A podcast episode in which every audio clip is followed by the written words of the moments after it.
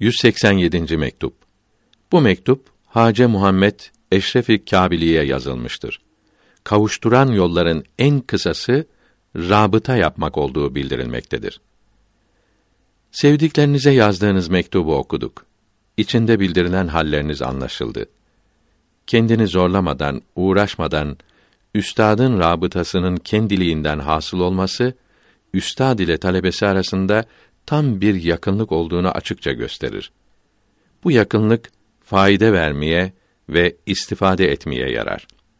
Kavuşturucu yollar içinde rabıtadan daha çabuk kavuşturanı yoktur. Hangi talihli kimseye bu nimeti ihsan ederler? Hacı-i Ahrar Kaddesallahu Teala sırrı Hazretleri Fıkarat risalesinde buyuruyor ki Farisi Mısra tercümesi önderin görüntüsü hakkın zikrinden daha faydalıdır. Yani rehberin hayali talebesine kalbin tasfiyesinde zikretmesinden daha çok faide verir. Çünkü başlangıçta talibin Hak Teâlâ ile tam yakınlığı yoktur. Bunun için zikretmekle çok faydelenemez. Önceniz sonranız selamette olsun.